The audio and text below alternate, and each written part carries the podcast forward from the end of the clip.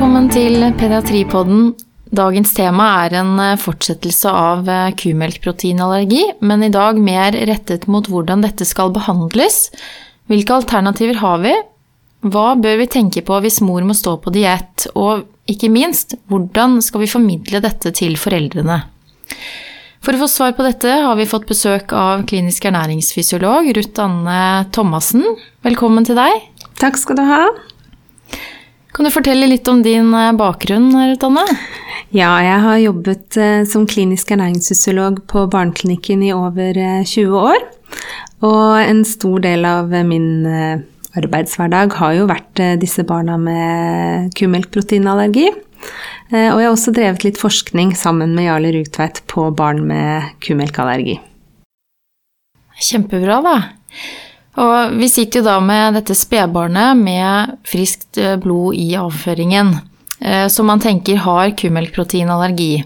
Og behandling vil jo da være å eliminere kumelkprotein i barnets eh, kost.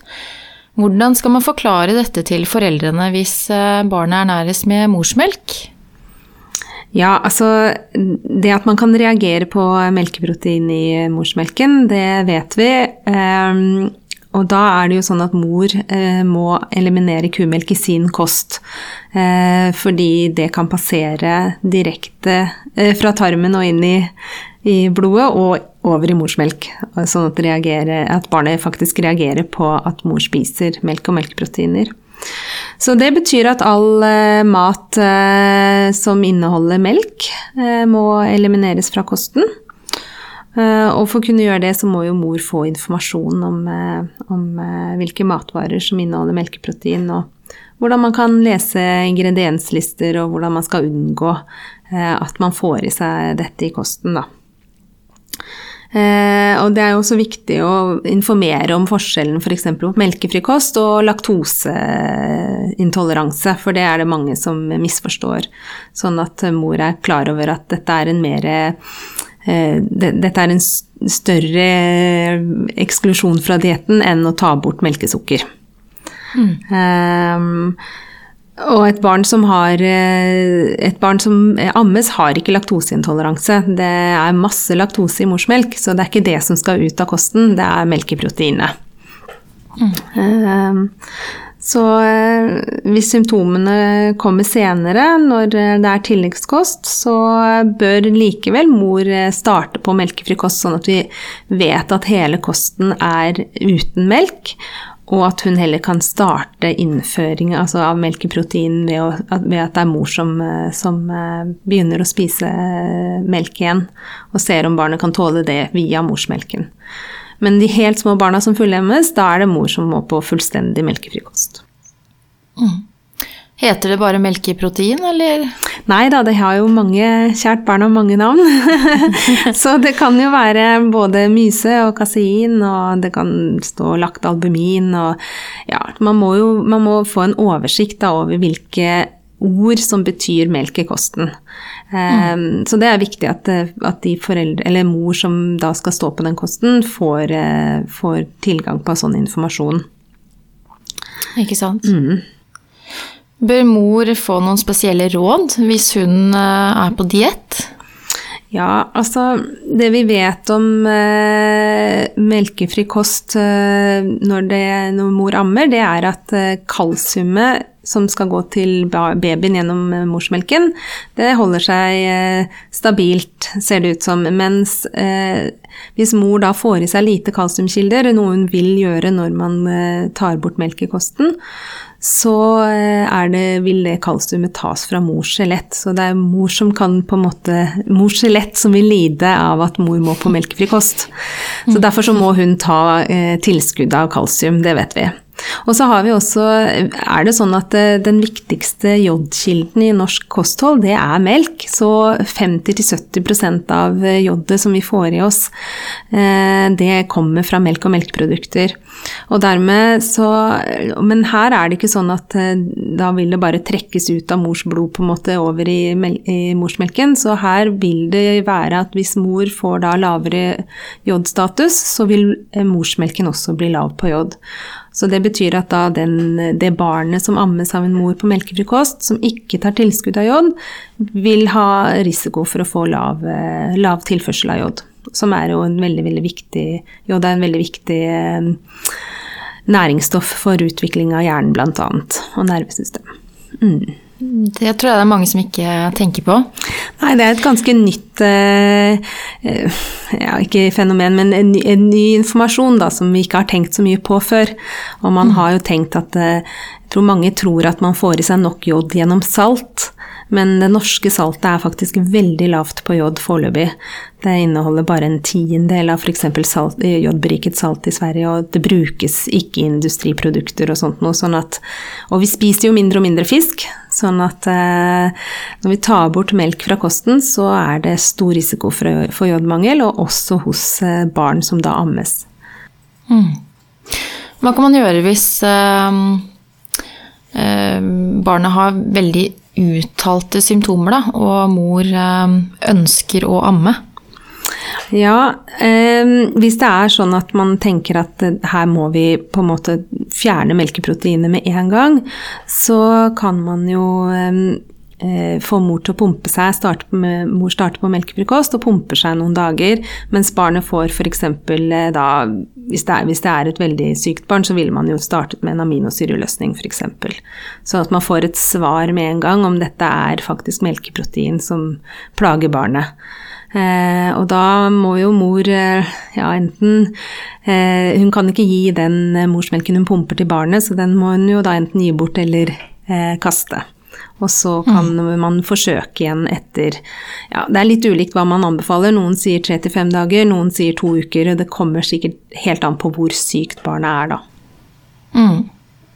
Og da er vi jo litt over på morsmelkerstatninger, da, for det er jo ikke alle barn som ammes. Eh, hvilke alternativer har vi hvis barnet må få kumelkproteinfri morsmelkerstatning? Ja, altså vi, vi, tenker jo at alle barn som skal stå på eh, melkefri bør ha fått forskrevet en eh, et hydrolysat.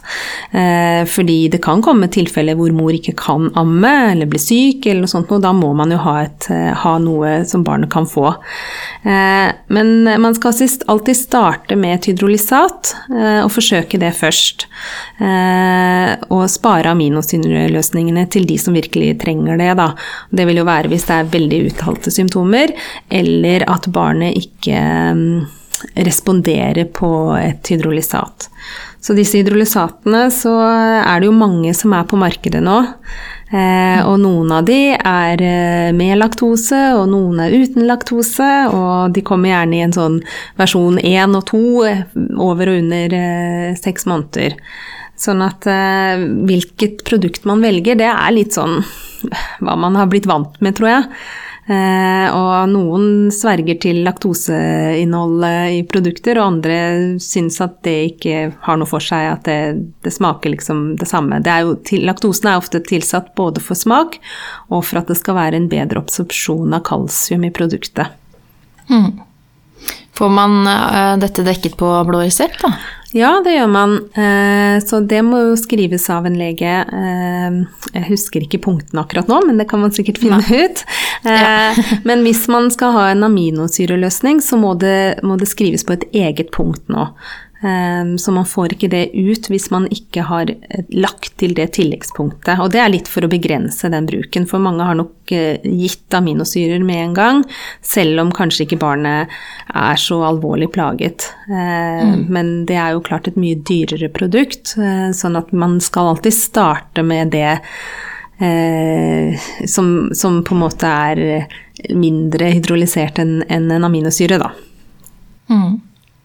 Hva gjør man hvis barnet ikke liker smaken? Og Det er jo veldig forståelig hvis, for alle som har luktet eller smakt ja. på disse løsningene. Ja. ja. det er jo veldig stor forskjell på eh, smake, smaken til et barn og smaken til en voksen. Og må huske at eh, spedbarna er svært åpne for nye smaker. Eh, og mange drikker hydrolysat uten problemer, men man hører gjerne om de som har problemer med å venne seg til det.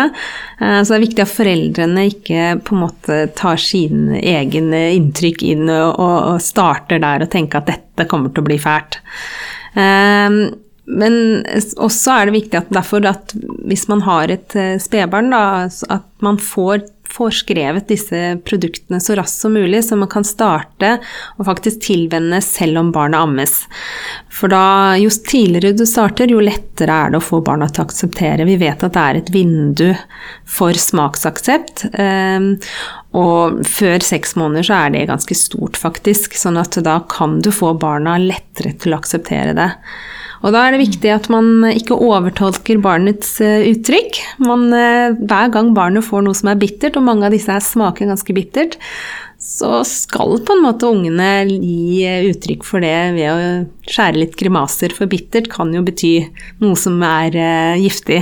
Men det betyr ikke nødvendigvis at ikke de liker det. Så vi er, vi er, vi er litt for flinke til å overtolke hvordan barna Eh, hva, hvordan barnas ansiktsuttrykk er, da. Uh, mm. Så man må bare fortsette å um, prøve å gi barnet morsmelkerstatningen, men det er klart man skal ikke presse inn eh, hvis barnet snur hodet vekk eller noe sånt. Da får man heller vente litt, og så prøve en gang til seinere. Og jo tidligere man starter, så kan man jo starte med bare å gi en teskje en gang iblant. Eh, sånn mm. at eh, barnet får smaken og får tilvent seg dette. Og det er mange som kommer og sier 'dette får vi ikke til', og 'det går ikke'. Det fins eh, tips og triks som å f.eks. Um, blande litt sukker eller vaniljesukker i, um, i dette hydrolysatet, og det kan man gjøre. For det vil jo øke søtheten og kanskje fjerne litt av den bittersmaken. Men da er det også veldig viktig at man, at man gradvis trapper det ut igjen. Da. Barnet skal ikke stå på en drikke med sukker eller vaniljesukker over lang tid.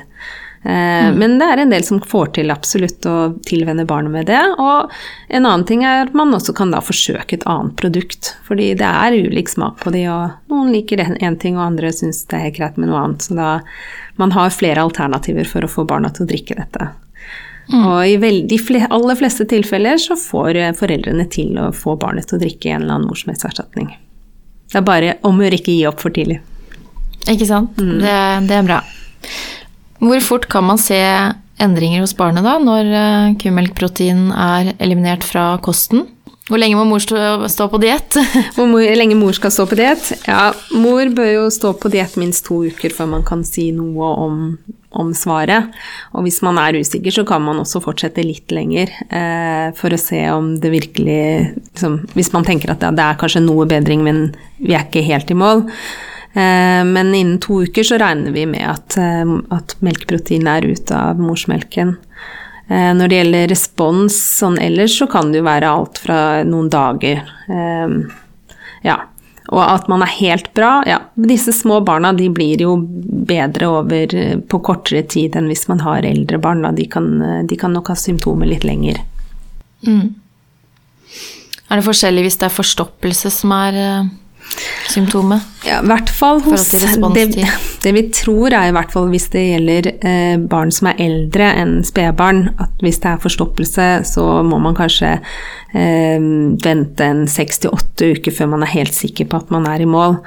Eh, men i de ukene så driver man jo også gjerne da med behandling med, med altså laksansia av et eller annet slag, sånn at, eh, som man trapper ned osv. Så, videre. så dette det, Da kan det ta lengre tid. Eh, tarmen må liksom komme i gang.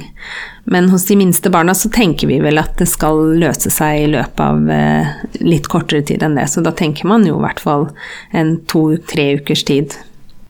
Mm. Og målet er jo å eh, komme i gang med normal kost igjen. Hvordan skal man reintrodusere melk i kosten? Ja, det må jo skje gradvis når man på en måte har blitt enig med sin eh, lege om at nå er det tide å, å forsøke melkeprotein igjen. Og det vil avhenge litt av hvilket symptom man har, så det får man diskutere med den som behandler en. Um, og det som anbefales, er å forsøke varmebehandlet uh, melkeprotein først. Så et eller annet produkt som er varmebehandlet. Det kan uh, være seg Noen sier at man kan starte med litt uh, produkter som inneholder smør, f.eks. Eller at man steker noe i litt smør. Det er veldig lite melkeprotein i det, men det vil være en sånn svak, forsiktig start. Eh, og så kan man også koke litt melk og gi f.eks. en teskje med kokt melk til barnet. da. Eh, og hvis man gjør det over noen dager og ikke ser noe, eh, noe symptomer, så kan man øke dosen. Um, og etter hvert, uh, hvis man da uh, fortsatt ikke ser symptomer, så kan man forsøke litt vanlig melk.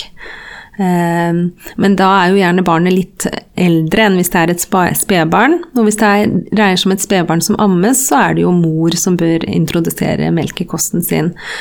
Um, og man kan godt gjøre det like forsiktig, uh, men det kan også dreie seg om at man forsøker seg på en skive ost eller noe sånt, og så se om barnet reagerer på det. Mm. Og her på barne- og ungdomsklinikken på Ullevål så har vi en eh, melkeskole som er drevet av dere ernæringsfysiologer. Hva lærer foreldrene der? Jo, eh, der lærer de jo rett og slett hvordan man eliminerer melkeprotein fra kosten, og hvordan man leser ingredienslister. Eh, at man kan bruke produkter som er ikke et spor av.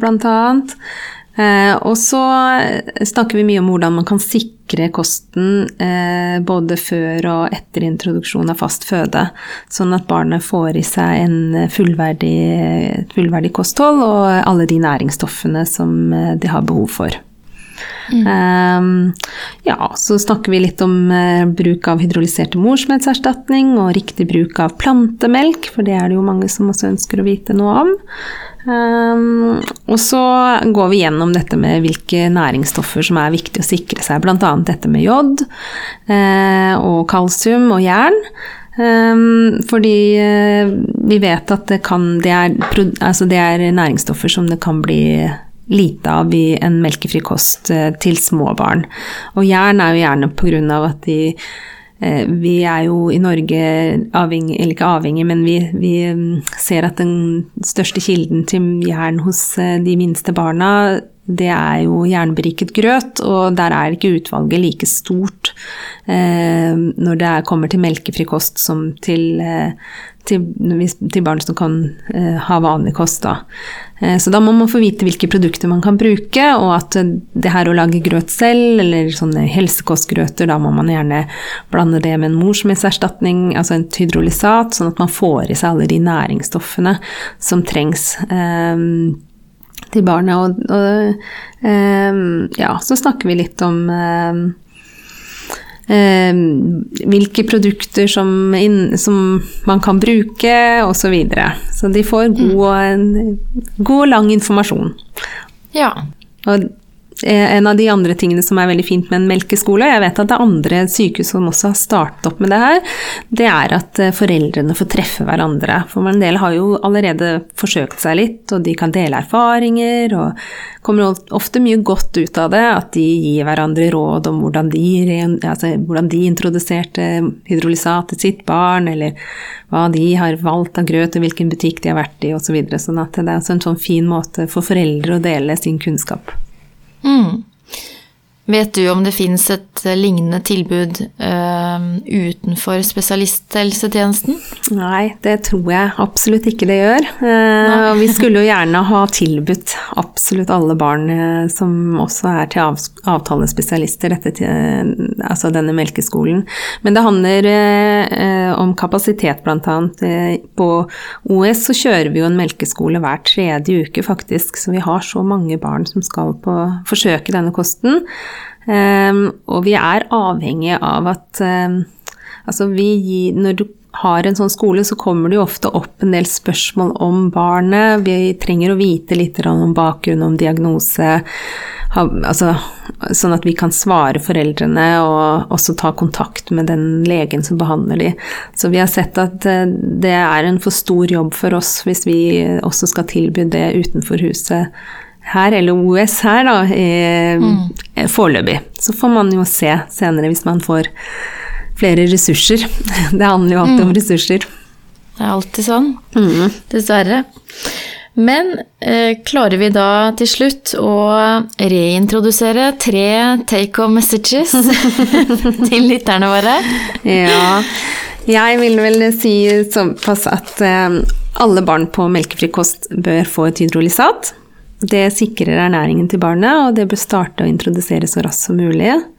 Og så tenker jeg det er viktig at eh, mødre til barn på melkefri kost må ha, ta et kalsiumtilskudd og et eller vitamin- og mineraltilskudd som inneholder jod.